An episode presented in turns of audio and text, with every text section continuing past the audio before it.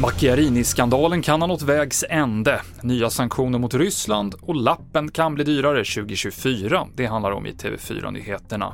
Ja, EU-länderna är överens om ett elfte sanktionspaket mot Ryssland med anledning av kriget i Ukraina. Det är oklart exakt vad det kommer innehålla, men målet är att göra det svårare för Ryssland och olika individer som till exempel fått sina tillgångar frysta att kringgå tidigare sanktioner. Sökandet fortsätter efter de fem personerna ombord på den saknade miniubåten i Atlanten.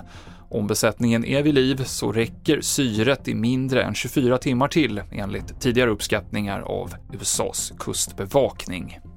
Tidigare idag så kom beskedet att Svea hovrätt dömer kirurgen Paolo Macchiarini till två och ett halvt års fängelse för tre fall av grov misshandel mot de patienter som dog efter att ha fått syntetiska luftstrupar inopererade.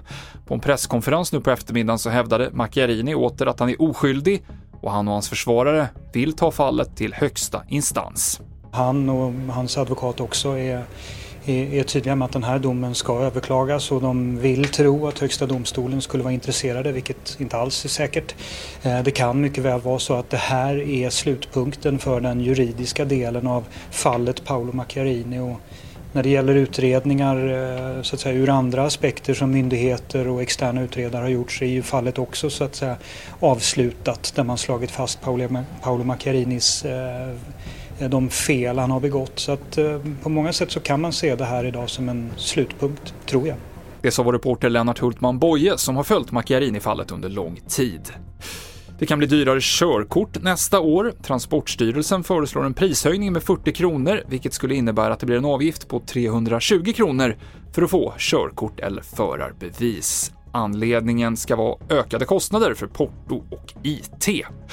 Och Jonas Gardell och Mark Levengood har skilt sig, skriver Aftonbladet. Enligt tidningen så har skilsmässan nu beviljats i tingsrätten.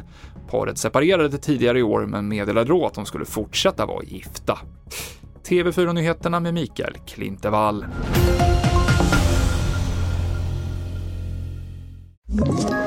Ett poddtips från Podplay. I podden Något Kaiko garanterar östgötarna Brutti och jag, Davva, dig en stor dos skratt.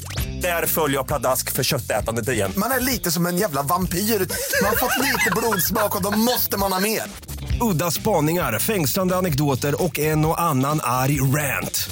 Jag måste ha mitt kaffe på morgonen för annars är jag ingen trevlig människa. Då är du ingen trevlig människa, punkt. Något Kaiko, hör du på Podplay. Därför arkadeinerna.